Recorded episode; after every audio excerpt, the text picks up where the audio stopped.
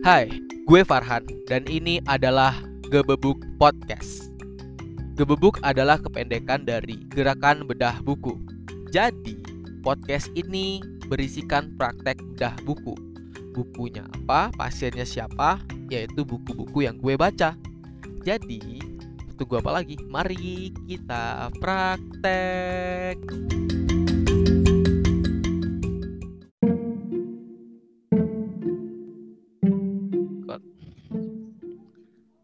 Assalamualaikum keluarga pasien uh, di mana pun berada. Uh, sebelum kita mulai uh, apa podcast episode 2 ini gebubuk podcast, um, gue mau uh, nyampein kalau ada istilah baru di gebubuk podcast. Jadi yang kayak host, gue atau pembicara di sini, pokoknya yang ngomong di sini lah, yang ngebacot di sini itu disebutnya praktisi bedah. Terus kalau yang dengar kayak teman-teman atau anda yang sedang mendengar ini disebutnya keluarga pasien. Terus kalau bukunya jelas kan dari awal emang istilahnya udah gue bikin tuh pasiennya. Jadi ini biar seru aja sih, biar kayak ada sesuatu yang unik aja, nggak ada something um, apa ya alasan khusus atau gimana gimana. Oke, okay, um, sekali ini kita juga nggak ba apa nggak bakal bedahnya nggak nggak sendiri nggak nggak sendiri sama kayak kemarin tetap ada Bu Sarah Halo Bu Sarah. Ya, halo Farhan okay. dan teman-teman semua fansnya Farhan. Fansnya, keluarga pasien Bu. Pasiennya Farhan. Dan ada yang baru nih guysnya, namanya Naila. Halo Naila. Halo. Panggilnya Nai. Jadi kalau ya. yang satu ini, anda ini siapa ya? Saya ini temannya Kak Farhan. Oke. Okay. Ada kelasnya oh, juga. Oh, ada kelas ya. Iya. Jadi ya dia ada kelas gua di sekolah apa di SM Sekolah Bandung. Uh, dan kalau dari background yang bisa gue kenalin yang berhubungan sama buku-bukuan, dia suka baca, suka baca buku, tapi banyaknya fiksi ya. Baru iya, dikit lah betul. yang non fiksi. Tapi iya. dia juga adalah orang yang sangat tertarik dengan psikolog. Jadi maksudnya ya banyak lah ilmu psikolog kayaknya yang udah searching searching jadi dia tertarik lah intinya sama dunia psikologan ya. Ya nggak nih iya nggak salah. Iya ya udah. Ya sekarang kita mulai dari mana nih? Oh iya si Naila ini nanti dia fungsinya bukan yang ngebedah gitu ya. Jadi kayak uh, dia diundang di sini itu sebagai orang uh, sudut pandang orang yang nggak pernah baca buku ini gitu tapi dengerin dengerin bahasan uh, bedah uh, bedah bukunya. Terus kayak kita pengen dapat sudut pandang dari dia itu gimana gitu uh, tentang apa yang kita bahas gitu. Kayak gitu. Uh, dari Bu Sarah dulu deh gimana Bu? Ada something yang sangat greget ingin disampaikan di bab 4 ini nilai penderitaan? Bab 4 ya? Iya bab 4 uh, ini tuh si kisah yang ini bukan sih yang yang mana? Yang bintang rock eh? Ya, ada bintang rock, ada Hiro Onoda, si apa nama pahlawan perang ya. Jepang ada juga. Iya, iya itu. Iya, uh, iya. Ya itu uh, jadi tuh mungkin ya satu yang bisa diambil dari buku eh, dari bab 4 ini tuh uh, jadi korban, jadi seolah-olah kayak playing victim gitu kali ya. Mungkin ya si si di judul ini nilai penderitaan. Jadi orang-orang tuh kadang dia menganggap kayak ini kayak masih relate dari bab-bab sebelumnya kali ya karena banyak orang yang e, mengistimewakan masalah yang lagi dia alami gitu. Jadinya di sini tuh si apa siapa sih tadi? Si Mana? Suzuki ya, siapa sih? Hiro Onoda kalau yang nah, pahlawan. Nah, si si Hiro Onodanya tuh eh merasa temen-temennya yang keluar dari hutan itu teh mengkhianati dia gitu. Wah e, ternyata pas dia keluar dari pas dia keluar dari apa? Pas dia keluar dari hutan ternyata dia malah jadi pahlawan di situ gitu. Wah ternyata kamu selama ini adalah pahlawan kami gitu sampai gitu kan. Nah di sini tuh kayaknya si apa si Onoda ini tuh kayak apa ya terkungkung sama pikirannya sendiri gitu. Jadi dia selama ini mikir, oh ya, uh, ya saya benar nih, saya sudah membela tanah air saya. Uh, mereka jahat, mereka tidak peduli gitu. Mereka sudah pergi meninggalkan saya. Ternyata pas dia keluar, ternyata justru orang-orang melihat dia sebagai pahlawan. Nah itu kali ya. Jadi pentingnya komunikasi. Orang tuh memang bersosial gitu ya kayaknya ya. Jadi nggak mungkin kita tuh bisa hidup sendiri tanpa pemikiran orang lain. Itu kali ya mungkin poinnya. Terus kalau di cerita si bintang rock ini yang dipecat ya? Dipecat bukan sih? Eh uh, ditendang. Soalnya kan mereka band. iya, iya ya. Terus terus dia akhirnya akhirnya dia tidak uh, tidak diakui sama teman-temannya. Iya ya. Yang mana? Ada dua, ada dua, ada dua. Yang mana? Yang, yang The ini, Beatles? Yang, yang gitaris itu, yang gitaris. Oh, yang gitaris Eh, Dave, bukan ya? Dave Mustaine. Hmm. Iya, dia tuh dari band Metallica. Jadi em, Hmm.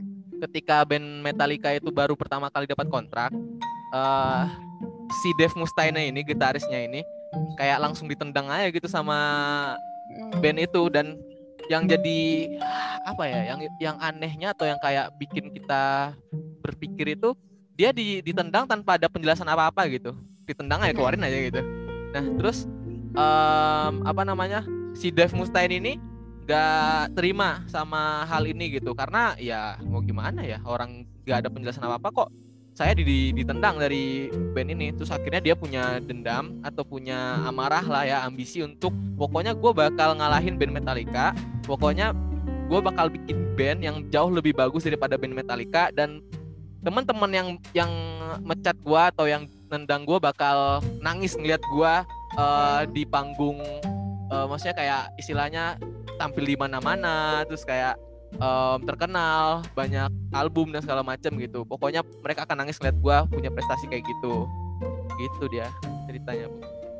Iya iya itu yang akhirnya dia pada akhirnya eh, memilih untuk menjadi ayah bagi anak-anaknya dan suami bagi istrinya gitu. Jadi eh, mau karena awalnya dia dia kayak merasa oh saya dihianati nih sama temen gitu. Eh, saya tidak ada pilihan lagi kecuali marah sama dia dan kayak nyumpahin gitu. Padahal ternyata dia mendalami lagi sisi dirinya oh ternyata saya memang butuhnya ini butuhnya jadi ayah bagi Ntar, Bu. anak saya dan eh, ada yang suami salah bagi istri saya gitu itu sih poin apa ya poin eh, pentingnya karena orang yang nganggap dia menderita yang nganggap dirinya sendiri menderita itu ya pikiran dia sendiri gitu. Karena eh, kehidupan ini kan sosial ya. Orang tuh ngobrol orang tuh berkomunikasi berinteraksi. Jadi kita tuh nggak akan mungkin sama pikirnya sama orang lain. Jadi bisa aja semua orang membenci kita tapi itu yang kita pikirin aja gitu. Tapi kita sendirinya mungkin eh, kurang kurang apa ya kurang terbuka dengan pikiran orang lain gitu kali ya di bab ini. Tapi sayangnya Bu Sarah salah bintang. Jadi ada dua bintang rock Bu. Yang Dave Mustaine ini dia adalah orang yang menderita karena em, dia akhirnya nggak sukses. Nggak sesukses Metallica dia kan pengen em, punya band yang lebih sukses dari band Metallica dan pada akhirnya ternyata dia cukup terkenal maksudnya sangat terkenal. Bahkan dia jadi seseorang yang di, dinyatakan berpengaruh paling eh, salah satu orang yang paling berpengaruh di dunia musik em, metal kalau nggak salah. Atau apa ya jenisnya lupa pokoknya itulah. Terus dia punya dia ngejual 25 juta kopi album dan tur di mana-mana. Ya terkenal lah. Cuman masalahnya ketika dia punya nilai gua harus kayak gitu ternyata Metallica jauh lebih besar.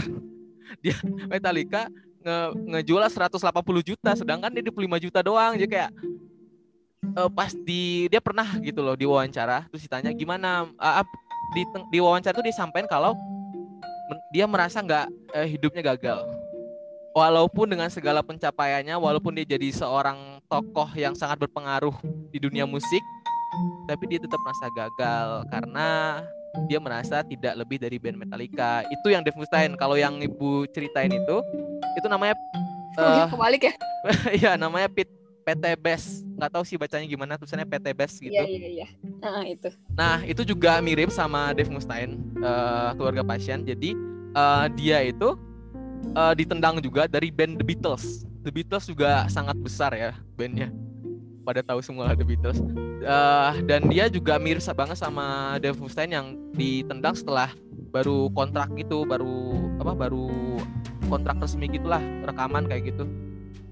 Jadi kenapa kenapa sih dia ditendang? Kalau yang ini agak beda sih kalau alasannya. Jadi dia itu adalah si Peter Bass ini drummer, drummer yang paling ganteng lah istilahnya dia personil paling ganteng di The Beatles. Terus para petinggi industri musik itu pengennya mikirnya um, oh kayaknya lebih baik si drummer ini yang jadi wajah The Beatles gitu. Karena dia ganteng terus dia yang paling baik lah istilahnya. Nggak main cewek nggak ini. Sedangkan teman-teman yang lain itu yang kayak gitu yang rada nakal lah istilahnya. Terus um, apa namanya? Uh, karena yang lain tuh iri. Yang lain tuh anggota lain tuh iri. Jadi akhirnya dia anggota yang lain ini pengen uh, si Peter Bass ini uh, si drummer ini keluar dia mereka bujuk-bujukin ini bujukin siapa namanya? Bujukin manajernya untuk uh, pecat si ini si drummer ini. Cuman awalnya manajernya nolak sih kayak enggak gue nggak mau. Tapi ternyata akhirnya tiga hari kemudian dia bilang ke drummernya e, bro uh, gue gua saranin lu keluar gitu. Terus nggak ada penjelasan lain kecuali dia bilang teman-teman lu yang lain pengen lu keluar. Akhirnya si drummer ini keluar. Nah itu yang kata Bu Sarah yang itu abis itu lanjutnya kayak Bu Sarah yang dia depresi terus kayak aduh stres kayak gitu bla bla bla bla. Tapi akhirnya setelah dia me- berpikir lagi atau setelah mengalami itu dia sadar kalau ternyata ini dia mendapatkan sesuatu yang berharga setelah ditendang itu. Dia mendapatkan uh, hubungan yang harmonis dengan istrinya kayak gitu. Dan dia lebih memilih penderitaan atau nilai yang paling tinggi apa ya istilahnya nilai atau ukuran atau prinsip ukuran dalam hidup dia adalah pokoknya uh, yang gua yang paling penting di hidup gua adalah hubungan yang harmonis. Selebihnya kalau nggak nggak punya nggak apa-apa. Yang penting ada itu dulu aja gitu. Gitu kan? Ya betul. Ya nah poinnya di sini di bin, ini tuh namanya problem bintang rock subbabnya. Jadi ini ada dua bintang rock yang mirip banget kisahnya cuman outputnya beda. Yang satu menderita karena dia merasa tidak berhasil karena ukuran dia adalah harus lebih sukses daripada Metallica gitu. Sedangkan uh, bahkan ya bahkan ya si Dave Mustaine ini yang merasa gagal ini adalah orang yang kalau kita lihat nggak lu bukan orang gagal cuy. Lu udah jual 25 juta kopi lu tur tur ke mana-mana lu adalah tokoh yang sangat berpengaruh di dunia musik. Lu nggak gagal tapi tetap aja karena ukuran si Dave Mustaine ini um, lebih lebih apa ya lebih besar atau lebih uh, hebat daripada Metallica dan pada nyatanya tidak seperti itu dia merasa gagal dan dia menderita kayak ya hidup gua kegagalan kayak gitu Sedangkan Pet yang si drummer ini, drummer dari The Beatles ini, dia punya output justru merasa hidupnya sangat berharga karena dia memakai ukuran um, yang penting uh, punya hubungan yang harmonis. Selebihnya gak terlalu penting dan dia mendapatkannya. So akhirnya dia nggak nggak ada masalah dengan dia keluar dari The Beatles. Padahal The Beatles menjadi uh, band yang sangat terkenal banget di dunia gitu loh. Kayak gitu. Jadi poinnya kita bisa menderita karena ukuran kita sendiri. Tergantung ukuran kita. Mau seberapa sukses Anda, seberapa pun sukses kita, seberapa pun sukses keluarga pasien yang mendengarin ini, kalau ukurannya salah, kita bisa jadi merasa gagal kayak gitu. Gitu, Bu. Aku jadi merasa. Waduh, waduh, waduh, waduh. Gimana Gino?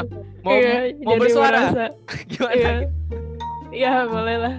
Iya setelah mendengar yang apa sih yang The Beatles-nya ini sih gitu yang asalnya mau ditarik kan terus tahu-taunya kan ditendang dan dia menganggap kan eh, pengalaman-pengalamannya kan yang berharga gitu terutama ya hubungan harmonis dengan istrinya itu kan. Nah, aku merasa malah tahun lalu aku ya aku juga kayak awalnya mikir mungkin bisa dibilang itu tahun terburuk aku. Tapi di sisi lain pas saat ke sini ke sininya aku mulai merasa kalau oh ini tuh sebenarnya uh, banyak sekali gitu tahun lalu yang aku dapatkan gitu dan banyak hikmah ternyata di balik itu gitu. Nah dan di situ aku juga mulai merasa kayak ya udah kalau misalkan kamu menganggap itu buruk ya justru belum tentu buruk kok gitu buruk. ada banyak sekali iya ada banyak Iya. sekali yang bisa aku ambil gitu dari positifnya gitu Iya, iya. Iya bener-bener. Ini mirip banget tau nggak sih sama istilahnya kan ada ya dari apa ya apa istilahnya pokoknya dari agama Islam lah yang uh, bunyi itu mirip-mirip kayak gini atau seperti kurang lebih kayak gini um, apa namanya salah satu amalan yang dicintai oleh Allah Subhanahu Wa Taala itu adalah um, berpersangka baik terhadap Allah gitu. Jadi istilahnya kalau kita misalnya kayak tadi Nabi bilang, wah tahun kemarin ada tahun-tahun terburuk gua. Tapi kalau misalnya kita berprasangka baik, itu bisa jadi beda. Maksudnya akhirnya kita bisa jadi punya kesimpulan yang berbeda ketika kita berhusnuzon gitu dengan Allah. Oh, mungkin Allah maunya begini, mau melatih saya uh, untuk tahan atau bagaimana. Akhirnya kita nggak bersedih atau nggak merasa ini hal yang buruk atau kayak aduh stres dengan hal itu gitu. Ya nggak sih? Iya benar-benar. Jadi emang kuncinya itu ya terus berprasangka baik sih gitu dalam keburukan keburukan keburukan yang kita tempuh gitu ya maksudnya mau dari pengalaman mau dari tingkah dan sebagainya gitu iya dan itu juga uh, salah satu pelajaran yang aku ambil juga sih gitu pada tahun lalu dan saat ini juga gitu dan ya memang betul gitu dari poin yang diambil dari si cerita uh, mantan The Beatles inilah gitu. Oke. Nah, Bu, Bu Sarah, pengen nanya nih. Hmm, gimana? Di sini kan dibahas tentang nilai dan ukuran. Kalau dari bahasa Bu Sarah deh, soalnya ini rada jarang sih kalau aku pribadi ya dengar tentang nilai dan ukuran gitu kayak pas lihat nilai itu nilai nilai apa 70, 20, 100 kayak gitu. Jadi kalau dalam bahasa Bu Sarah, Bu Sarah menafsirkan nilai yang disampaikan di sini itu seperti apa gitu? Kayak gimana gitu? Nilai penderitaan ya, karena judulnya nilai penderitaan. uh, apa ya? Kalau di sini kan dijelasin nilai-nilai itu, nilai-nilai itu nggak ada yang absolut uh, benar gitu. Pun termasuk buat kita orang Islam nih orang Islam meyakini nilai-nilai kita teh udah benar. Cuman kan orang di luar Islam tidak menganggap itu benar. Wah enggak tuh salah itu uh, Tuhan Tuhan tuh bukan gitu gitu. Ya kayak gitulah ya secara globalnya. Nah jadinya uh, kita teh nggak bisa apa ya jadiin sebuah nilai itu jadi indikator kita gitu jadi misalnya gini kita uh, kita punya keyakinan punya nilai kalau hmm, bahagia itu uh, makan Indomie pakai telur misalnya gitu ya. Hmm. Tapi orang-orang nggak bisa menganggap itu bahagia. Oh itu iya. nggak yeah. bahagia, itu bahagia tuh minum chat time lah, diposting yeah, yeah. lah di IG story gitu. Itu bahagia orang kan beda-beda ya versinya, termasuk dengan nilai orang terhadap sebuah penderitaan gitu. Jadi misalnya hmm, kayak orang yang dia uh, nilainya jelek atau misalnya waktu kuliah lah ibu IPK-nya misalnya tidak sampai target gitu ya. Nah terus itu bagi ibu tuh oh masalah besar gitu. Wah uh, ini udah hancur lah dunia gitu intinya. Tapi bagi orang dewasa yang ibu curhatin saya orang tua ah masalah gitu doang belum sampai kamu ngurusin popok bayi kayak gitu. Jadi setiap orang tuh tidak bisa menghakimi uh, penderitaan orang lain gitu. Jadi nggak bisa jadiin standar tertentu nggak bisa ada satu standar penderitaan tuh gini loh standarnya gitu.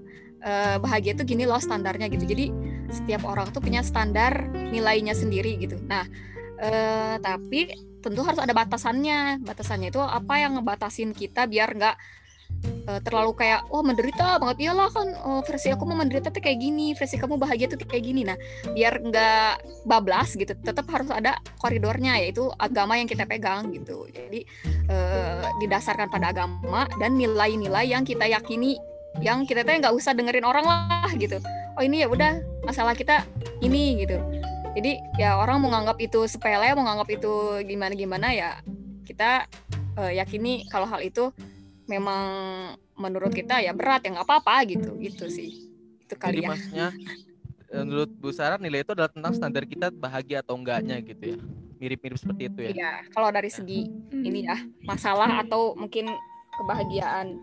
Kalau Farhan sih nilai itu kayak prinsip kalau bahasa Farhan jadi kayak prinsip kita. Kalau misalnya gua kayak gini gua bukan gua gitu. Maksudnya kayak pokoknya prinsip gua adalah orang yang seperti A gitu. Atau gue adalah orang yang melakukan A atau gue adalah orang bersikap A gitu. Jadi kayak itu yang nentuin diri kita dan uh, istilahnya yang mendasari diri kita untuk ber, melakukan sesuatu gitu. Itu kayak prinsip gitu. Nah kalau ukuran adalah seperti gagal atau suksesnya atau gagal atau uh, suksesnya. Kalau misalnya kayak um, gue adalah orang yang dermawan gitu misalnya. Ukurannya adalah kayak bersedekah eh bersedekah membantu orang setiap hari setiap setiap pagi bagiin makan misalnya gitu ukurannya. Kalau misalnya nggak ngelakuin itu berarti gue gagal sebagai orang dermawan. Jadi kayak gitu. Jadi nilai itu adalah prinsip dan ukuran tuh yang kayak gitu gitu. Ini uh, dari sudut pandang Farhan sih. Oke kita beralih ke hal lain. Jadi apa ya yang mau di highlight juga adalah um, ini nih. Jika penderitaan tidak bisa ditolak jika permasalahan tidak dapat dihindari pertanyaan yang harus diajukan bukan bagaimana saya menghentikan penderitaan tapi mengapa saya menderita demi tujuan apa gitu. gimana menurut Bu Sarah? Maksudnya? Hmm, uh, itu kali ya. Fungsinya kita teh hidup teh harus ada tujuan. Jadi uh, mau kita menderita atau bahagia juga tetap ada ukurannya. Jadi uh, kayak misalnya kita buat apa nih lagi-lagi IPK ya maaf nih ini sangat membekas banget nih masalah IPK nih dulu uh, dulu tuh ya hmm, masalah IPK tuh kayak sesuatu hal yang sangat uh, besar banget ya. Mungkin bagi sebagian besar mahasiswa juga itu masih masih relate ya. Uh, orang nggak nyampe nggak nyampe apa nggak nyampe target IPK tertentu dia ngerasa hidupnya kurang ya tidak bermakna kayak gitu-gitu. Nah jadi uh, tapi balik lagi pas orang itu udah dapet udah dapet IPK yang dia harapin, ya tujuannya apa emang buat dapet segitu? Emang orang di tempat kerja bakal mempertimbangkan itu banget ya? Bukannya di tempat kerja itu udah masuknya ke skill gitu. Oh ya udah saya mau dapat beasiswa. Emang beasiswa tuh ketika kamu belajar di tempat yang baru, orang akan ngeliat IPK IPK kamu yang dulu ya gitu. Jadi balik lagi ke tujuan kita di dunia tuh tujuannya apa? Ada tujuan tertentu nggak? Misalnya tujuan utamanya nih uh, dapat ridho Allah oke okay lah ya tujuan besarnya gitu. Tujuan-tujuan kecil buat mencapai itunya apa? Nah kalau misalnya kita nggak ada uh, apa ya nggak nggak jelas tujuan ya jadi kita teh mau ngapa-ngapain juga maknanya apa sih sebenarnya? Kita ngelakuin ini tuh tujuannya buat apa? Kayak misalnya uh, ibu ke Cikalapa mau ngapain gitu nggak ada tujuan ya balik lagi lah pulang ke rumah atau enggak ya ibu uh, mampir dulu lah di sama mang-mang yang lagi mancing. Jadi kan ya bisa serandom itu kalau yeah, tanpa yeah. tujuan.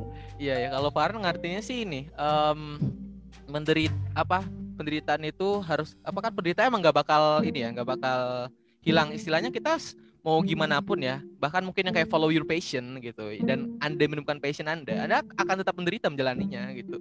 Maksudnya tetap ada suatu hal yang berat untuk dilakukan dan itu pasti ada penderitaan di sana. Jadi intinya penderitaan itu nggak bakal ada eh nggak bakal ada nggak bakal hilang. Jadi justru yang harus dipertanyakan itu adalah demi tujuan apa benar? Kayak hmm, karena penderitaan itu nggak bakal ini kita harus tahu uh, kita tuh rela menderita ini tuh untuk apa sih gitu. Jadi cari hal yang jauh jauh, jauh lebih bermakna gitu. Jangan kayak mungkin ya beberapa kesalahan keliru misalnya kayak zaman dulu um, menderita karena termasuk paran ya menderita karena oh, harus dapat A terus, harus nilainya harus tinggi terus gitu. Jadi kayak akhirnya menderita menderita tapi apa habis tuh tidak tahu itu ini untuk apa ya gitu kayak tiba-tiba blank aja masuk makanya di sini dia bilang daripada kita menderita menderita aja tanpa ada makna mending ya kita tanya gitu. Kita tuh menderita uh, memilih penderitaan itu karena apa gitu. Nah kalau kesimpulannya menurut Farhan di untuk yang di bab 4 ini jadi dia itu menyampaikan kalau di sini tuh ada nilai-nilai buruk yang kita pegang. Misalnya uh, selalu benar selalu benar. Jadi kita megang pokoknya hidup gua harus selalu benar. Dan itu bahayanya adalah ketika kita misalnya melakukan kesalahan dan karena kita pengen selalu benar akhirnya kita suka menghindar-hindar kayak mencari alasan gue tuh melakukan ini karena gue tuh kondisinya gini jadi kayak melakukan pembenaran-pembenaran dan itu tidak sehat gitu loh. Kita tidak berkembang. Maksudnya ada nilai-nilai hal-hal kayak gitu kayak misal juga selalu positif. Gimana pun uh, kapan pun selalu positif. Misalnya uh, ketika ada orang yang meninggal teman dekat kita kita selalu positif oh sudah waktunya gitu. Kita nggak boleh sedih kayak gitu. Itu tidak sehat untuk mental. Jadi hal-hal kayak gitu itu mungkin banyak. Maksudnya nggak kayak gitu doang. Nilai buruk tuh banyak. Intinya nilai buruk itu uh, adalah hal yang uh, dia tidak tidak bisa kita kontrol. Misalnya kematian orang terus atau selalu benar terus selalu positif tuh nggak bisa kita kontrol gitu.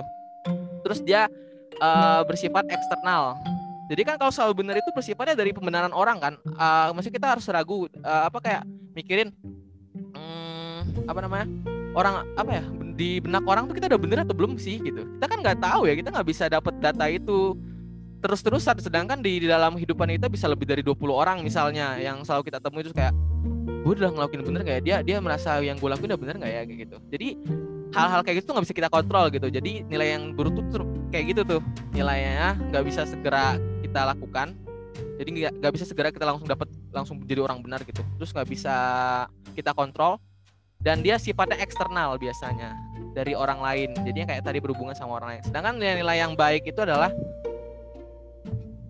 nilai 10 menit lagi. Nanti nyambung lagi nih harus invite lagi. Uh, apa namanya? Duh lupa kan tuh ngomong apa Oh kalau nilai yang baik itu nilai-nilai yang dia segera bisa kita lakukan misalnya kayak jujur. Kita bisa segera langsung jujur kita bisa kontrol itu gitu. Kita bisa segera lakukan dan kita bisa kontrol dan itu sifatnya sangat internal. Kayak gitu. Jadi di sini tuh kesimpulan adalah perhatikan nilai-nilai teman-teman. Nilai-nilai teman-teman yang teman-teman pegang coba kenali gitu. Dan coba kalau emang nilainya buruk ya coba diubah kayak gitu. Kalau kesimpulan dari bab ini sih eh, bab ini tuh kayak gitu sih kalau aku kalau Bu gimana ini naik dulu dong.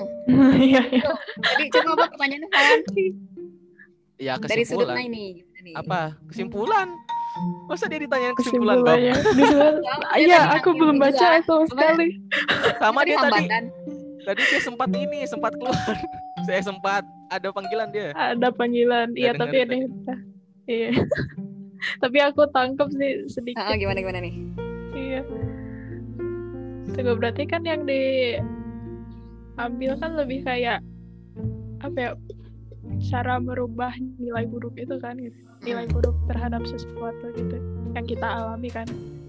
Ya. Itu kan sih yang hmm. nah yang aku tangkap ya memang sih gitu. Kalau misalkan ada sesuatu buruk yang menimpa kita gitu otomatis kan pasti ada rasa-rasa kayak wah ini kegagalan aku nih gara-gara ini gara-gara itu gitu jadi pasti ada alasan-alasan yang bikin uh, apa ya bikin kita jadi defensif terhadap sesuatu gitu. Terutama terhadap sesuatu yang baru gitu. Nah jadinya kayak gak ada ya?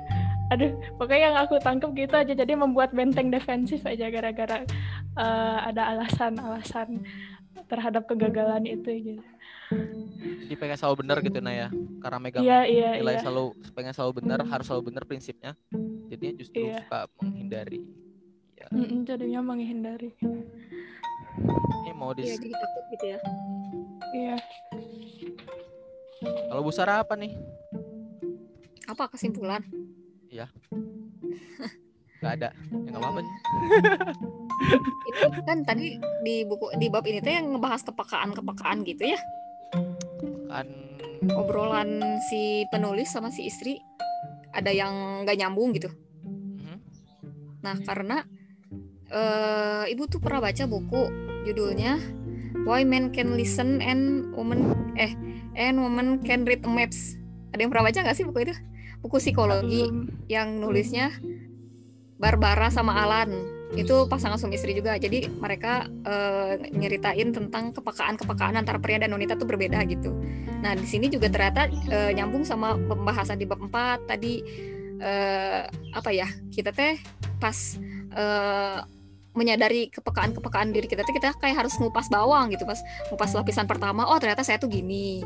Ngupas lapisan kedua oh ternyata saya tuh gini. Terus sampai akhir sampai habis oh ternyata saya tuh sebenarnya gini gitu.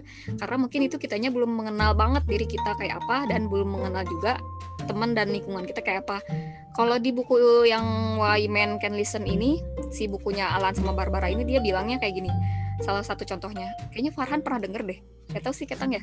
Uh, mereka si suami istri ini lagi naik mobil gitu si suaminya lagi nyetir. Terus tiba-tiba si istrinya teh bilang eh kamu mau nggak istirahat dulu minum kopi? gitu. Terus kata suaminya oh enggak saya mah uh, langsung aja uh, kita biar cepat aja kayak gitu. Terus tiba-tiba tidak lama setelah itu si istrinya marah-marah ngambek uh, bad mood gitu. Marah lah sampai sampai rumah tuh marah kenapa dia? Kenapa? gitu. Uh, si pria bertanya-tanya. Pada akhirnya masih istrinya teh baru uh, baru bilang kalau ternyata sebenarnya waktu di jalan tadi yang pengen minum kopi itu dia bukan dia nawarin. Maksudnya dia nawarin tuh peka dong lo peka dong gue haus nih gitu. Nah itu uh, pola komunikasi yang ternyata memang belum kita kenali ya. Karena cewek itu memang suka ngasih kode-kodean sementara cowok tuh tidak menerima kode-kode seperti itu. Jadi memang gak peka gitu memang diciptakan tidak peka. Jadi mungkin kitanya yang belum mengenal diri kita sendiri kitanya aja belum mengenal diri kita sendiri apalagi mengenal orang lain gitu. Jadi untuk mengenal diri kita sendiri untuk self awareness tadi ya di empat harus kayak kita ngupas bawang diri kita sendiri oh kita tuh apa sih sebenarnya? Dibuka lagi lapisan dalamnya buka lagi buka lagi gitu begitu. Jadi kenali diri sendiri dan itu kalau di sini emang ada bahasa kayak ngupas bawang dan dia ada tiga lapisan. Setiap lapisan itu tambah semakin dalam lapisannya semakin bikin meringis kayak bawang. Baca deh serius di buku gila sih. Nah, kita lanjut aja ke bab 5. Uh, eh, tentang ini judulnya Anda selalu memilih. Ah, uh, nih kalau aku nih, Bu, yang aku highlight nih ketika kita melakukan sesuatu karena terpaksa uh, dipaksa oleh sesuatu mungkin yang jauh lebih berkuasa daripada kita kayak misalnya orang tua gitu ya. Banyaknya kan gitu tuh cerita uh, klasiknya. Uh, lu kenapa di uh, lu kenapa masuk kuliah di jurusan ini? Karena ibu gue nyuruh kayak gitu. Nah, itu kan hal-hal yang dipaksa. Nah itu biasanya tuh menyakitkan. Menyakitkan sangat menyakitkan. Jadi dia uh, bahkan ya bahkan nih ada misalnya di dimisalkan ada kita diposisikan ketika sedang di buku ini ya dibahas kayak gitu uh, kita coba posisikan kita sedang uh, ditodong ditodong pistol. Dan disuruh lari 42 km ya. Dan kalau nggak lari sampai 42 km ditembak mati. Wah rasanya pasti kayak stres banget gak sih ngelakuin itu?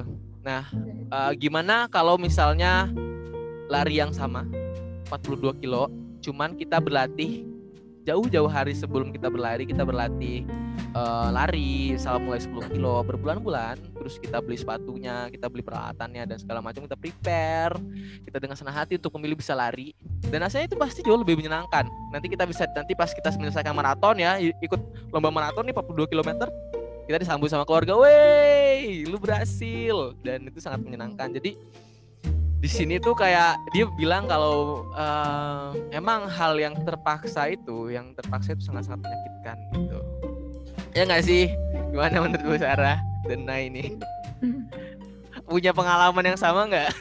Yang bisa di Nai dulu nih Nai dulu nih. Mungkin pernah dihadapkan pada pilihan. Iya pilihan apa gitu terpaksa sih belum pernah. Hmm. yang ada ya dipaksa gitu. Tapi kalaupun dipaksa juga ya aku nolaknya itu benar-benar dahsyat. Terutama dari waktu itu aku ingat pas sebelum masuk sekolah alam. Kenapa anda menolak itu, masuk ke alam? Nah ini tuh waktu itu tuh bapak ya bapaknya Naila ini uh, ya maksa lah maksa lah aku masuk negeri kan. Ya terus aku bilang lah otomatis kan kayak ya sekolah aku atau bapak gitu jadi otomatis ya aku kayak ya udah udah masuk sekolah alam itu juga direkomendasikan dari temen ibunya Naila sih gitu iya. jadi itulah kenapa Oh itu terpaksa belum pernah kayak gitu. Waktu SMP itu tuh. Iya SMP. Oh tapi pernah dipaksa, cuman akhirnya nggak nggak menolak ya akhirnya ya. Iya akhirnya menolak. Ini menarik sih, maksudnya uh, ini sering gue bahas sama orang-orang yang nanyain ke gue, eh menurut lu gimana kalau misalnya gue kuliah di prodi atau jurusan yang dipaksa sama orang tua? Gue selalu selalu bilang gini, bro, lu bakalan jalan itu tiga tahun sama empat tahun atau empat tahun okay? dan yang ngejalan itu lu dan bukan orang tua lu kalau misalnya lu merasa itu tidak lu merasa dipaksa terpaksa atau uh, karena orang tua lu lu akan bersiksa 4 tahun. Dan gue suka banget kan cara naik nolak ini. Maksudnya emang banyak yang bilang sih tahu apa ya banyak kisah yang gue dapet kalau misalnya mereka kuliah itu emang nggak enak akhirnya ngejalaninya karena um, berhasil berhasilnya mereka atau uh, menderita menderitanya mereka tuh kayak aduh gue pusing banget sama uh, pelajaran ini. Dan padahal gue nggak milih ini gue tuh dipaksa sama orang tuh akhirnya jadi nggak enak gitu kuliahnya ya nggak sih iya iya benar kayak gitu Iya pasti pas menjalaninya juga kan jadi kayak otomatis kayak ada di bawah pressure-nya iya Iya, orang iya. tua gitu bukan dari kita sendiri Iya, gitu. Kalau dari kita sendiri kan pasti kayak ada triggernya kayak untuk mencapainya gitu kan. Iya. Kalau sedangkan dari orang tua atau dari siapa pun kan kayak otomatis kayak aduh gitu ah males atau gimana lah gitu ada berbagai macam alasan gitu. Hmm. Emang berarti kesimpulan emang gak enak banget ya dipaksa ya. Setuju ya Iya. semua ini. ya gak enak lah. Usa Usara ada Usara? Mau- Kita pindah dulu gimana Han? Ini kayaknya abis deh. Iya ntar. Iya ntar. nih udah Matiin aja ya, matiin aja ya. iya matiin aja. Jadi gimana Usara? Nih, Eh ini eh Bu Sarah punya nggak pengalaman terpaksa dalam hidup gitu yang momen-momen yang ibu jalani karena terpaksa gitu.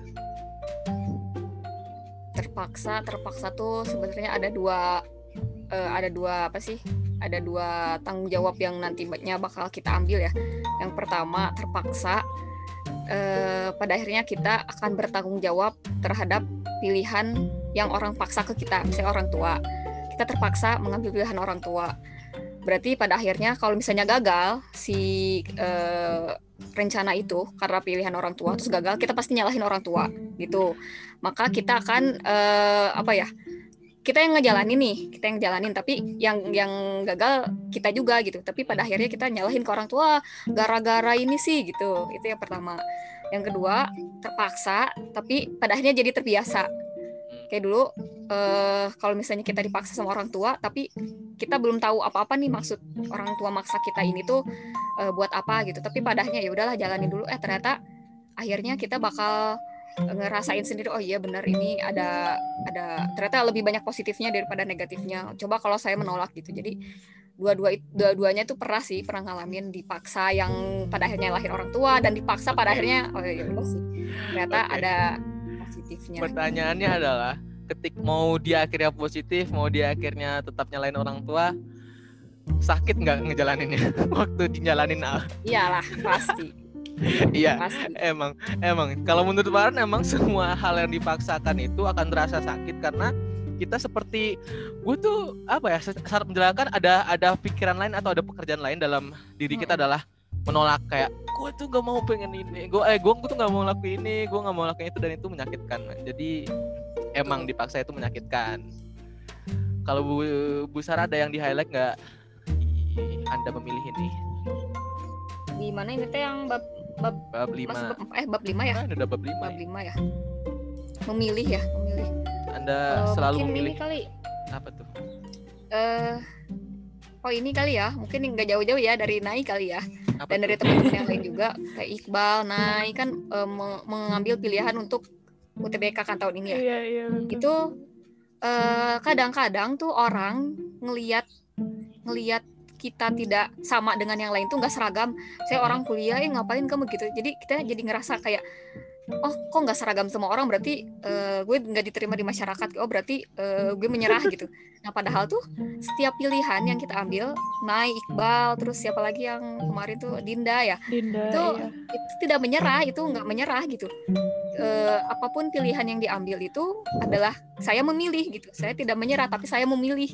Saya memilih jalan ini. Saya tidak kalau misalnya menyerah kayaknya nggak akan mungkin sanggup buat ngejalanin hidup sehari-hari gitu deh. Waduh waduh waduh kayaknya banyak banget kasus ya banyak banget kasus yang eh, karena terlalu apa ya terlalu eh oh kata orang gini gini gini gini gitu. Jadi terlalu kepikiran sampai akhirnya ya udahlah saya tidak diterima di dunia gitu. Saya merasa gagal. Nah itu itu kategori menyerah kayaknya gitu ya. Eh kalau kasusnya kasusnya tetap berusaha dengan jalan apa pun yang dipilih termasuk yang orang anggap gagal gitu ya yang orang anggap nggak berhasil itu itu justru jadi sebuah apa ya sebuah usaha yang yang di luar batas kemampuan gitu kayaknya ya jadi iya. orang tuh nggak mungkin bisa nggak semua orang yang dapat pendidikan langsung dari Allah kayak gitu kayak misalnya eh, itu kan ilmu hidup ya nggak mungkin orang bisa dapatin lang langsung di bangku kuliah di bangku sekolah gitu tapi Mhm. pelajaran sendiri yang dikasih sama Allah oh kita milih yang mana nih oh kamu milih eh, jalan ini lanjut ke swasta dengan eh, resiko yang nanti akan ada gitu atau lanjutnya tahun depan dengan resiko yang ada juga gitu ya kita punya pilihan kita ngambil yang ini oh saya ngambil yang X gitu pada akhirnya kita akan menjalani semuanya juga tetap eh, ujung-ujungnya kita yang tanggung jawab atas pilihan kita itu kan Jadi, Iya, iya. iya. intinya semua orang itu kalau masih hidup sampai sekarang itu tidak menyerah tapi dia memilih aja gitu Iya, iya. Tapi menyerah sendiri adalah pilihan loh, Bu. Sebenarnya. Ya enggak sih? Maksudnya kayak gue milih untuk nyerah dengan suatu hal yang kayak gini misalnya yang A aku gue memilih untuk menyerah impian yang B kayak gitu itu kan sebenarnya juga pilihan maksudnya eh mungkin poin Busara sih emang kayak di dunia ini selagi selama orang itu hidup dia pasti selalu memilih ya enggak sih gak mungkin Hmm. udah kayak bener-bener lepas tangan terus emang kayak di, atau gak bisa dibilang dia tuh nggak milih apa pun nggak nggak mungkin karena kalau emang udah nggak milih apa pun mungkin tetap aja sih. Dia mau milih bunuh diri nih ya itu dia milih juga gitu. Pasti dia bunuh diri dia memilih juga gitu. Emang eh, ini intinya sih Bu saya tuh udah udah ngomong ke intinya. Jadi setiap orang itu mau gimana pun juga tetap milih. Dan yang yang pengen panas dari intinya itu adalah penjelas apa penjelasan tambahnya adalah gini. Banyak orang yang suka merasa em, apa ya istilahnya? Dia mendapatkan suatu tragedi yang sangat tragis atau yang sangat berat lah. Misalnya anaknya nih di, di sini ada diceritain ada seorang bapak yang meninggal gitu anaknya kecelakaan. Dan dia akhirnya eh, bi- memilih apa namanya? Memilih untuk kayak gua itu sakit sakit perasaan gue itu gara-gara orang lain gitu. Maksudnya gara-gara penabrak itu. Istilahnya dia tuh nyalahin orang gitu dia tuh merasa kayak semua perasaan sakit ini tuh bukan karena dia bukan karena pilihan dia tapi itu karena orang lain yang nabrak anaknya dia. Padahal sebenarnya yang bertanggung jawab di sana yang bertanggung jawab untuk memilih untuk eh, mau me- membe- apa ya me- memaknai ini adalah hal yang sudah ditakdirkan atau memilih untuk tidak menerima dan menyalahkan orang itu adalah dia. Cuman dia nggak sadar kalau dia tuh udah memilih gitu. Jadi banyak hal sebenarnya itu memang apa ada suatu hal yang emang nggak kita pilih tapi kita harus tetap memilih. Memilih apa? Memilih untuk menyikapinya minimal. Jadi kalau misalnya kita punya kejadian apa pun itu kayak saya kalau kalau kayak gue nih kemarin dulu eh kemarin ditusuk eh, sama, apa ketusuk sama pisau misalnya. Terus kalau misalnya gua, eh, gua harus milih gitu apakah gua menyalahkan apa namanya pisau yang terlalu tajam gitu kan atau gue milih untuk oh ya ini kesalahan gua gitu dan gua nggak mengulanginya. Jadi setiap hal itu kita selalu memilih. Jangan sangka em, kalau eh, suatu hal terjadi itu bukan karena apa ya suatu terj- sesuatu yang terjadi dalam diri kita adalah pilih karena orang lain gitu karena salah orang lain bukan. Semua yang dalam hati kita semua yang dalam pikiran kita itu adalah pilihan kita untuk menanggapinya bagaimana. Itu sih. Kalau menurut Nay ada tanggap ada tanggapan nggak nih dari Nay ini Iya sih kalau kalau ada segala sesuatu yang terjadi ke kita ya balik lagi kita kayak apakah kita mau menerimanya kah gitu? Dalam hikmah kejadian itu atau tidak gitu. Ya, jadi emang semuanya tuh balik lagi ke tanggapan kita gitu. Mau itu berupa takdir, mau itu berupa pengalaman-pengalaman yang lalu atau untuk ke depannya nanti gimana gitu.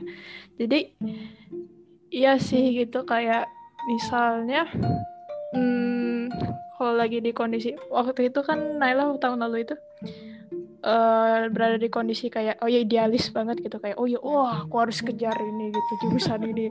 Eh taunya ketatnya kayak apa gitu si jurusan dua ini tuh kayak.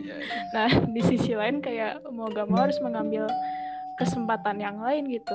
Kalau misalkan sebelumnya udah gagal kayak oh ya udah yang lebih baik dan sesuai dengan aku tuh yang kayak gimana sih gitu. Ya kok masa aku eh, apa ya merasa kayak eh ya down bisa dibilang ya down terus masih gak nerima gitu dengan kesempatan sebelumnya gitu. Jadi kayak emang mau gak mau dan menerima dengan jalan yang lain gitu. Iya sih gitu. jadi ya it is what it is gitu. Ya di di di situ emang salah it satu is what it kunci is. Salah satu kunci untuk menjalani hidup guys. Iya. Bu Sarah punya ini nggak? Eh, pengalaman menyalahkan orang lain gitu Ya, pastilah ada ya. Oh ada. Karena orang tuh nggak mau disalahin sih. Dan ada sih perkataan siapa ya ini lupa. Eh, Ali bin Abi Thalib apa Usman bin Affan ya lupa ibu. Nah itu pokoknya perkataan sahabat aja ya. Eh, aku eh, aku tidak akan sedih atas apa yang luput dariku dan aku tidak akan terlalu bahagia atas apa yang menimpaku gitu. Karena itu berarti udah takdirnya kayak gitu. Jadi udah garisnya seperti itu. Jadi udah dituliskan kayak gitu. Jadi kalau ada yang nggak kita dapetin ya emang bukan takdirnya kita dapetin itu gitu. Walaupun itu udah di depan mata banget, tapi ternyata kita nggak bisa, ya udah itu mah emang nggak nggak ada takdirnya buat kita dapatkan itu. Tapi kalau misalnya kita eh, udah nggak dapetin sesuatu, ya jangan terlalu bahagia gitu karena itu udah porsinya udah dapet itu nggak usah dibangga banggain sudah tercatatnya kayak gitu gitu sih. Eh, aku mau nutup sa ini sih ini da, apa namanya nutup yang bab 5 ini dengan pemikiran penulis yang unik sih. Jadi dia mandang kehidupan itu seperti main judi. Dia mandang gitu. Oke untuk yang apa maksudnya oke lah main judi ini bla bla bla maksudnya kayak ah apa tuh kotor? Tapi ya mau dia kotor mau enggak kalau misalnya kita dapat pelajaran ya kenapa enggak gitu. Jadi dia mm, memandang eh, kehidupan seperti judi itu kayak gini nih. Eh, kalau di judi itu kan em, kita bisa bisa aja dapat kartu jelek atau kartu yang bagus gitu. Tapi kata dia keberuntungan bukanlah faktor yang utama gitu yang nentuin eh, dia bakal menang atau enggaknya. Tapi itu adalah eh, yang menentukan dia menang atau enggaknya adalah tergantung pilihan-pilihan yang dibuat saat permainan gitu. Dan sama seperti eh, apa ya sama seperti kehidupan gitu. Walaupun misalnya kayak pe- pe- apa permainan judi ini orang yang orang yang dapat kartu jelek itu bisa jadi pemenang gitu. Karena pilihan-pilihan yang dibuat. Dan sama dan dan itu juga yang terjadi ke kehidupan Em, gimana ya dalam apa kan Allah Allah Subhanahu Wa Taala kan emang udah ngasih kita something kan kayak ya gue kasih ini gue kasih A B C D gitu. Nah nah, tergantung kita gitu loh milihnya. Mau kita misalnya dikasih miskin gitu terus kalau kita membuat pilihan-pilihan kita bisa aja jadi orang kaya cuy. Terus kalau misalnya ada orang kaya atau punya privilege atau misalnya kayak dilahirkan di keluarga yang pintar atau dilahirkan di keluarga orang yang kaya kalau dia nggak memilih dengan baik bisa jadi aja dia jadi bakal orang yang hancur terpuruk gitu yang nggak bisa apa-apa gitu loh. Jadi kehidupan ini emang tentang memilih sih kayak eh, apa maksudnya yang disampaikan adalah tentang memilih eh, apa namanya memilih ya tentang memilih gitu. Walaupun mau hidup lu sejelek apa pun maksudnya takdir apa ya yang yang lidu yang lidu yang dibekali ke lu tuh sejelek apa pun ya akhirnya itu tergantung dengan pilihan-pilihan yang lu buat gitu kayak gitu. Tuh kalau yang bab 5 nih sekarang kita lanjut ke bab 6 eh naik dulu nih naik dulu nih di di bab ini. Kira-kira Apa? apa, nih pesan-pesan di bab ini yang menurut Nai bisa diambil? Apa ya? Ntar poin ulangnya dong mohon maaf. Yang mana? Pilihan ya lebih ke pilihan ya Han ya? Lebih ke pilihan Ya mau sejelek mau sejelek apa pun lu ditakdirkan waktu kecil misalnya lu dikasih bekal apa pun kalau kayak pemain judi kan dikasih kartu sejelek apa pun lu bisa menang selagi lu milihnya bener gitu. Melakukan pilihan-pilihan yang bener gitu. Mhm. Ya kalau misalkan pilihannya kayak oh ya kita ditakdirkan seperti ini dan seperti itu gitu terutama kayak misalnya dari privilege kah atau dari sifatnya memang begini kah kayak ya kalau misalkan memang takdirnya seperti itu ya apakah kita bisa mengubahnya bisa sih gitu untuk menjalankan eh, ya sesuai keinginan kita juga gitu kira-kira tangkep gak? Iya iya. Ya ya ya. Ya iya ya kayak gitu. Ya poin yang aku tangkep sih dari itu. Ya atau mungkin ada kekurangannya kah gitu dari poin yang aku ambil. Ya intinya men- menurut Nain gini gak sih Eh, ya itu apa namanya kita mau bisa jadi apa pun selagi milih eh, kita memilih dengan benar gitu. Maksudnya kita bikin pilihan-pilihan yang tepat gitu ya ya nggak sih? Iya iya iya ya betul. oke. Dah. Lanjut bab 6 nih. Ada lagi nggak Oke. nggak ada. Kalau nggak ada? Lanjut, bab 6 lanjut. nih. Bab 6 anda keliru tentang semua hal tapi saya pun begitu katanya. Ini menarik sih. Ya emang semuanya menarik. Gimana Bu Sarah? Lupa lupa. Bentar. Mana sih bab enam? Oh iya iya iya. Gimana Bu? Eh, jadi katanya setiap setiap yang kita pilih setiap yang kita ambil itu ujung-ujungnya mah kita akan tanggung jawab atas apa yang kita pilih. Kayak di sini contohnya orang yang ditaruh bayi di depan rumahnya itu bukan tanggung jawab dia sebenarnya. Si bayi ini ditaruh di situ gitu bukan salah dia. Tapi setelah bayi ini ada di depan rumah dia jadi tanggung jawab dia mau diapain gitu. Mau dikasih makan ke pitbull katanya. Ya mau di mau diasuh mau di apa katanya gitu. Mau dijual. Heeh, mau dijual. Itu tanggung jawab dia setelahnya. Jadi apa yang sudah kita pilih itu pada akhirnya kita juga yang akan ngambil tanggung jawabnya. Kayak misalnya hmm, dulu tuh dosen tauhid ibu bilang kayak gini eh, Allah itu kan maha berkuasa ya maha berkehendak. Kita hari ini datang ke sekolah duduk di sekolah itu atas kehendak Allah kan? Udah pasti itu as- atas kehendak Allah gitu. Eh, makanya kita ringan langkahnya buat datang ke sekolah. Nah tapi keinginan buat duduk itu misalnya Allah udah menakdirkan kita jalan ke sekolah tapi keinginan kita buat duduk dan buat ada di sekolah itu kita sendiri yang nentuin gitu. Pada akhirnya kita yang milih juga gitu. Allah eh, ngasih kita kewenangan ya udah ngasih kehendak yo eh, kalau kamu jalan ke sekolah hari ini gitu. Tapi kita bisa untuk memilih tidak datang ke sekolah gitu. Dan kita juga bisa memilih untuk datang ke sekolah. Jadi pada akhirnya tanggung jawab setelahnya setelah kita datang ke sekolah itu kita yang ambil.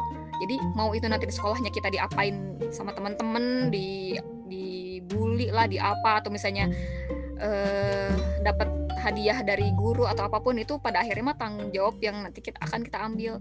Sebenarnya eh apa ya semua itu kan memang udah ada apa sih jalan-jalannya gitu. Kita mau ngambil yang mana mau ngambil yang mana udah udah udah ditentuin. Cuman pada akhirnya pas kita ngambil jalan ini oh ada tanggung jawabnya di sini. Pas kita ngambil ini tanggung jawabnya ada di sini gitu. Jadi eh pun termasuk pas tanggung jawab itu pas kita ambil kita akan dapat masalah baru kan. Nah dan masalah itu kita nggak bisa menentukan apakah itu ber- berdampak positif atau berdampak negatif. Apakah itu sebuah sebuah hal yang positif atau sebuah hal yang negatif.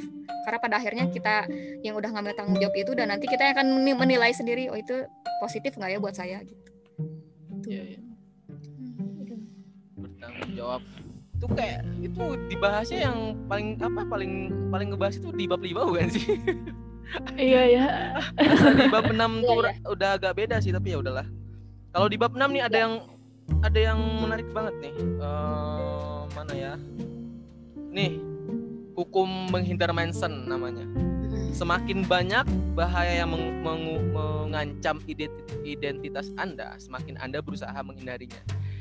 Ini gila sih. Maksudnya eh, kalau Farhan pribadi nih Bu Sarah, naik eh, ngerasain gitu. Jadi kemarin-kemarin ini punya mimpi misalnya sangat itu sangat-sangat spesifik atau punya keinginan menyem- menyemplung di bidang apa tuh kayak sangat-sangat spesifik. Kok kayak ya kayak ini sih mirip follow your passion memahami follow your passion tapi eh, penerapannya rada salah gitu karena gini karena menurut Farhan oke gue passion gue di di apa namanya di bidang IoT Internet of Things jadi pokoknya selain yang tidak berhubungan sama Internet of Things gue tolak gitu. Jadi kayak akhirnya ketika ada matkul jaringan misalnya menurut gua, eh, menurut Farhan kayak oh ini kayaknya nggak nggak terlalu ini deh bikin web gitu atau jaringan gitu. Yang menurut Farhan saat itu walaupun mungkin berhubungan cuma nggak tahu aja tapi menurut Farhan itu nggak nggak re- relevan sama IoT terus kayak ditolak ditolak. Terus kayak misalnya ada eh, hal-hal lain yang datang ke kehidupan Farhan yang kayak wah ini ada suatu hal yang sebenarnya menarik gitu. Tapi kayak ah nggak berhubungan lah sama mimpi gua. Kayak ditolak ditolak. Akhirnya karena identitas Farhan tuh terlalu rumit gitu ya. Pokoknya IoT itu harus berkecimpung aja. Belajar itu IoT aja nggak boleh eh, belajar yang lain. Jadi kayak Farhan memilih identitas yang sangat sempit untuk itu. Jadi akhirnya menghindari menghindari hal-hal yang mengancam identitas gitu. Kayak mikirnya kalau misalnya gua ngerjain ini wah bu- berarti bukan mimpinya bukan IoT dong IoT dong. Berarti gua keluar dari passion gua dong kayak gitu. Jadi hati-hati sama mimpi yang apa ya mimpi yang terlalu spesifik eh ya kayak gitu. Misalnya gua pengen ke Jepang. Di Jepang gua pengen jadi staff eh, A gitu. Kalau nggak jadi staff A nggak mau gitu. Jadi akhirnya ketika ada tawaran ke Jepang ya tawaran ke Jepang. Karena tapi jobnya itu tidak menjadi staff A itu bakal ditolak. Karena merasa enggak gue ini bukan yang gue mau gitu. Jadi hati-hati semakin sempit gitu semakin sempit identitas kita semakin rumit semakin detail itu semakin banyak kita menolak atau menghindari hal-hal yang mengancam itu gitu. Akhirnya uh, oh, dan Farah berpikir kayak misalnya nih kita ambil contoh Bosman Mardigu. Dia punya mimpi waktu itu zaman dia masih sekolah di bangku sekolah gitu. Pokoknya gua mau uh, ke Amerika aja. Bosman Mardigu tuh mimpinya sesederhana itu. Bodoh amat mau ngapain juga pokoknya gua harus ke Amerika. Itu intinya nah waktu itu dia daftar ke apa namanya beasiswa apa gitu ya beasiswa punya pemerintah gitu. Dan ternyata dia didatengin menarik sih ini ceritanya didatengin sama pengurusnya gitu ke rumahnya itu kayak, woi kalian ini berdua kok nggak salah sama saudaranya, kalian ini daftar beasiswa tuh mikir-mikir dong, nilai 65 jelek lah pokoknya nggak tahu berapa angkanya, berani-beraninya uh, daftar beasiswa, dimarah-marahin lah intinya kocak dimarah-marahin, tahunya habis itu, ya udahlah uh, siap-siap apa nanti lu berangkat ke Amerika, oh ternyata habis dimarah-marahin diterima dia di uh, berangkat beasiswa ke Amerika karena pada saat itu kuotanya nggak ada lagi yang daftar mereka doang yang daftar kayak gitu. Jadi karena Bosman Mardigu ini punya mimpi yang tidak terlalu detail gitu ya cuman pengen ke Amerika dia tuh cuman uh, pokoknya cari cara gimana ke Amerika. Dia daftar aja beasiswa walaupun dia nggak suka sama jurusan itu dia nggak nggak terlalu suka mungkin kuliah gitu atau dia nggak terlalu tapi dia yang jelas yang diakui dia nggak ini sih nggak punya passion di criminal mind kalau nggak salah. Pokoknya di jurusan yang dia dapat lah gitu. Kayak nggak punya passion tapi karena gue pengen ke Amerika ya udah ajar gitu. Nah jadi emang hati-hati sama mimpi-mimpi atau identitas-identitas yang terlalu detail gitu. Jadi mending pilih misalnya kalau bahasa di, Mark Manson itu pilih oh identitas adalah seorang pelajar gitu. Pokoknya belajar aja kerjanya. Jadi nggak ambil pusing mau belajar apa pun ya penting belajar gitu. Jadi akhirnya hidup tuh nggak banyak me, apa namanya menghindar-hindar kayak gitu. Terus atau misalnya oh gue adalah seorang anak gitu. Ya intinya gue berbakti aja ke orang tua melakukan hal-hal yang dibanggakan orang tua. Jadi hidup tuh lebih gampang untuk dijalani dari dibandingkan identitas kita terlalu rumit jadi setiap pilihan yang ada itu justru sering kita tolak kayak gitu. Gitu. Ini menarik sih. Nah ini gimana nih nah ini ah itu aku merasa ditampar lagi tapi itu pas itu ya sejak SMA sampai ya sampai selama gap year ini gitu kayak oh aku pengen jadi psikolog. Oh aku jadi pengen BK terus nanti ke depannya aku pengen jadi guru BK juga gak apa-apa. Atau aku psikolog di luar negeri kayak gitulah bla bla bla bla. Eh taunya yang ternyata bukan rezekinya gitu kan pada tahun lalu. Jadi sekarang sih iya emang kayak justru yang hal-hal yang mendetail itu kan pasti uh, apa ya mengakibatkan kekecewaan gitu kan. Kalau misalkan iya gagal gitu. Nah terus kayak ya mau gak mau ya cari hal yang lebih leluasa lagi gitu biar biar nggak itu itu doang kan gitu rencana yang lebih luas apakah gitu. Mungkin masih berhubungan dengan uh, graphic design kah? Karena Naila juga pribadi uh, ya suka graphic design dan juga berbagai macam hal media gitu. Dan soal pekerjaan juga sih kayak sekarang kayak ah ya udah pasrahin aja lah gitu yang terbaik gimana gitu. Asalkan uh, ya ses masih sesuai dengan minat Naila kayak misalnya ya suka interaksi dengan bahasa lain gitu kayak gitu gitu. Kalau soal psikologi dan sebagainya sih sekarang sih Nail mikir kayak ya itu kita bisa dapatkan dari mana saja gitu tidak sekedar dari jurusan atau bahkan ya biar bisa kita dapat profesinya gitu. Kayak gitu sih gitu. tapi tetap ya, ilmu... berarti tetap keep ini ya pengen jadi psikolog ya Um, ya rencana S2 lah. Amin. Amin. Ya, ya. Tapi ya ya nggak tahu lah ya kejalanin dulu aja gitu sekarang mah okay. aku sih. It is, it, it, it is what it is apa gimana? Gak paham saya. it is what it is. Ya, it is what it is. Aduh. Iya, ya. Bu Sarah ada poin yang lain nggak yang di highlight selain yang Farhan? Uh, ini kali ya katanya kan kepastian itu musuh pertumbuhan asik Wah ini emang menarik. Mantap Gimana nih. gimana? kepastian itu musuh pertumbuhan jadi di dunia ini memang tidak ada yang pasti jadi semuanya itu pasti keraguan-raguan daripada kita mencari sebuah kepastian dan kita meyakini kepastian yang kita eh, yakini sendiri atas ilmu yang kita punya sendiri mendingan kita cari keraguan-raguan atas ilmu yang kita sendiri gitu ya. Jadi eh, karena kan ilmu kita tuh kita tuh walaupun kita kan justru kan semakin kita berilmu semakin kitanya ngerasanya bodoh ya. Ya benar. kita habis baca satu hal misalnya di mana gitu di portal berita atau di mana terus kita ngerasanya oh iya ya tahu tahu tahu. Nah justru harusnya kita malah jadi ragu bukan semakin mm, yakin. Tapi ini konteksnya bukan dalam agama ya. Ya, kalau dalam ya. tauhid mah udah pastilah ya. Tapi kalau misalnya kayak eh, hal-hal di dunia ini kayak oh kok, kok gini ya? Jadi akhirnya kita ngerasa butuh belajar lagi gitu. Kita ngerasa wah ternyata ilmu yang kita dapetnya nggak segimana hebatnya gitu. Justru kan makin kita banyak eh, cari tahu makin kita ragu makin kita eh, nyari-cari nyari tahu makin kitanya ngerasa kita kecil banget. Oh ternyata ilmu pengetahuan itu gede banget. Bahkan sampai sekarang aja eh, satu ilmu aja berkembang ya. Ilmu parenting berkembang ilmu kesehatan berkembang. Dulu bayi boleh pakai bedak tabur. Sekarang bayi nggak boleh pakai bedak tabur. Iya. terus eh, dulu obat mata bisa pakai daun sirih. Sekarang nggak boleh kan? Karena ilmu itu berkembang. Pas pas tahu pas tahu ilmu-ilmu itu jadinya kita ngerasa wah iya saya ragu lagi terhadap hal ini. Saya ragu lagi terhadap Iya, hal ini. Jadi emang nggak ada yang boleh. pasti ya. gitu. Iya iya. betul. Betul betul. Nggak ada yang pasti di dunia ini jadi harus ragu dengan pemikiran anda. Tapi eh apa ya kepastian itu bahaya dan di, di sini di sini ya aku tuh punya pemikiran nih kepastian itu menenangkan. Aku pernah bikin quotes gini ya kepastian itu menenangkan makanya Allah subhanahu wa taala itu menenangkan. Gu- uh, Farhan pernah punya quotes seperti itu tapi di sini dia bilang kepastian itu justru bikin kita gus gusar cemas. Nah ini ada konteks yang berbeda sih. Jadi kalau kepastian tentang Tuhan kita emang udah yakin banget ya. Kita udah yakin Hmm. banget dengan diri eh, dengan keyakinan itu.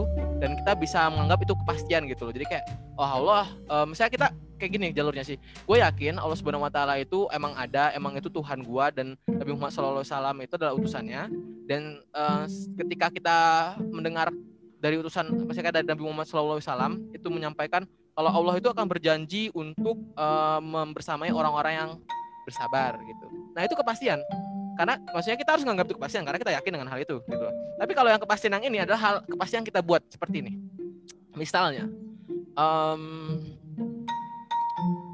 kalau gua ngelakuin A, pasti gua ditolak gitu. Misalnya ya, kalau misalnya gua bikin podcast nih kayak Farhan misalnya, kalau misalnya gue bikin podcast, gak bakal ada satupun orang yang dengar. Itu kepastian-kepastian yang kita buat sendiri gitu. Jadi kita, itu adalah kepastian yang kita bikin di pikiran kita sendiri gitu. Dan itu bikin gusar karena hmm, hal itu apa ya? Eh, jadinya itu kita bertanya-tanya gitu. Maksudnya hal itu tidak tidak benar-benar terjadi tapi kita merasa itu pasti tapi itu belum terjadi gitu. Akhirnya punya keraguan-raguan kayak eh, dalam hati itu masih ada keraguan iya nggak sih? Iya nggak sih? Tapi merasa yakin aja nggak enggak gue nggak bakal bikin podcast pasti nggak ada orang yang dengar kayak gitu tapi ternyata setelah bikin podcast ada kok yang denger gitu. Jadi Hmm. eh, dia itu disampaikan di sini em, kepastian itu eh, tidak ada. Eh, apa namanya? Sebelum maksudnya orang tuh nggak bakal tahu apa pun yang terjadi sebelum hal itu benar-benar terjadi gitu. Jadi kalau misalnya jadi konteksnya adalah kepastian yang disampaikan Mark Manson yang bikin gusar itu adalah kepastian-kepastian yang kita bikin di kepala itu bikin gusar dan sebaiknya kita meragukan hal itu daripada kita meyakini dan eh, apa ya daripada kita meyakini mending kita buktikan. Bener nggak sih teori gue bener nggak sih yang dalam pikiran gue bener nggak sih kalau orang itu nggak bakal dengar podcast gue kalau gue bikin? Jadi mending daripada kita punya keyakinan wah oh tiap ada orang oh lu podcast lu podcast. Enggak gue yakin pasti nggak ada yang dengar daripada selalu berkutat dengan hal-hal kayak gitu mending buktiin.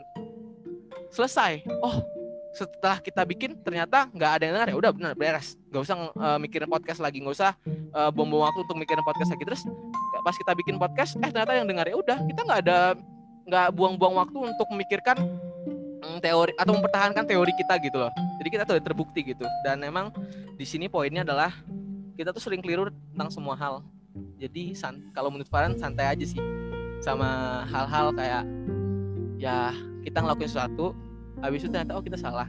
Nggak usah kayak apa ya eh nggak usah kayak aduh gue salah nih gue nggak mau lagi ngelakuin itu. Jangan jangan. Karena pada dasarnya kita semua itu melakukan kekeliruan. Dari kecil misalnya kita ngomong a aja eh eh eh gitu atau b b eh kayak gitu kan. Dulu kan kita keliru juga gitu tapi akhirnya eh, berjalannya waktu kita bisa mendekati mendekati kebenaran atau istilahnya lebih sedikit salah gitu lebih sedikit keliru kayak gitu sih. Iya, betul betul. Nah ini, nah ini gimana nih, nah ayo penutupan Nay.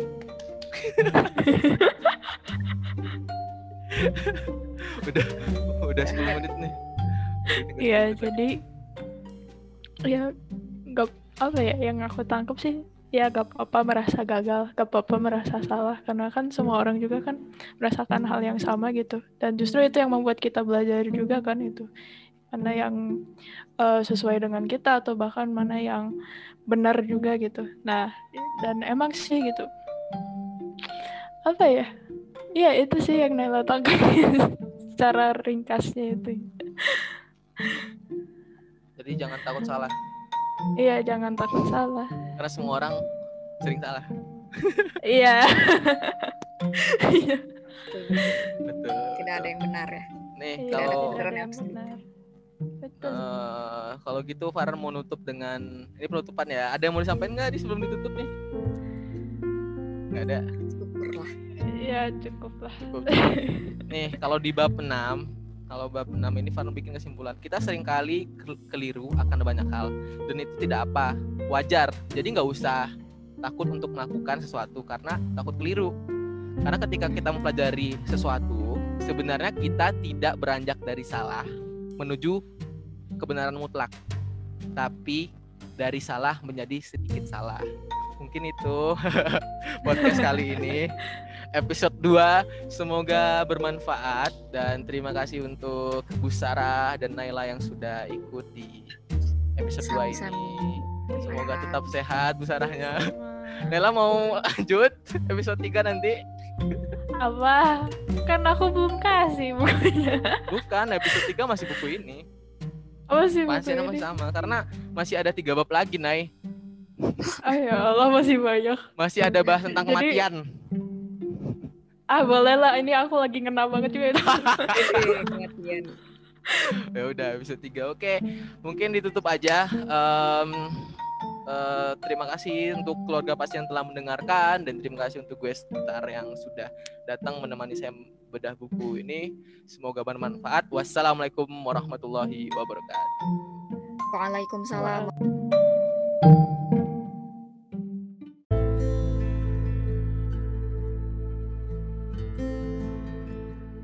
Untuk keluarga pasien, kami mohon maaf. Pasien masih butuh tindakan lagi. Jadi kami akan melakukan praktek di episode selanjutnya. Mohon doanya ya. thank you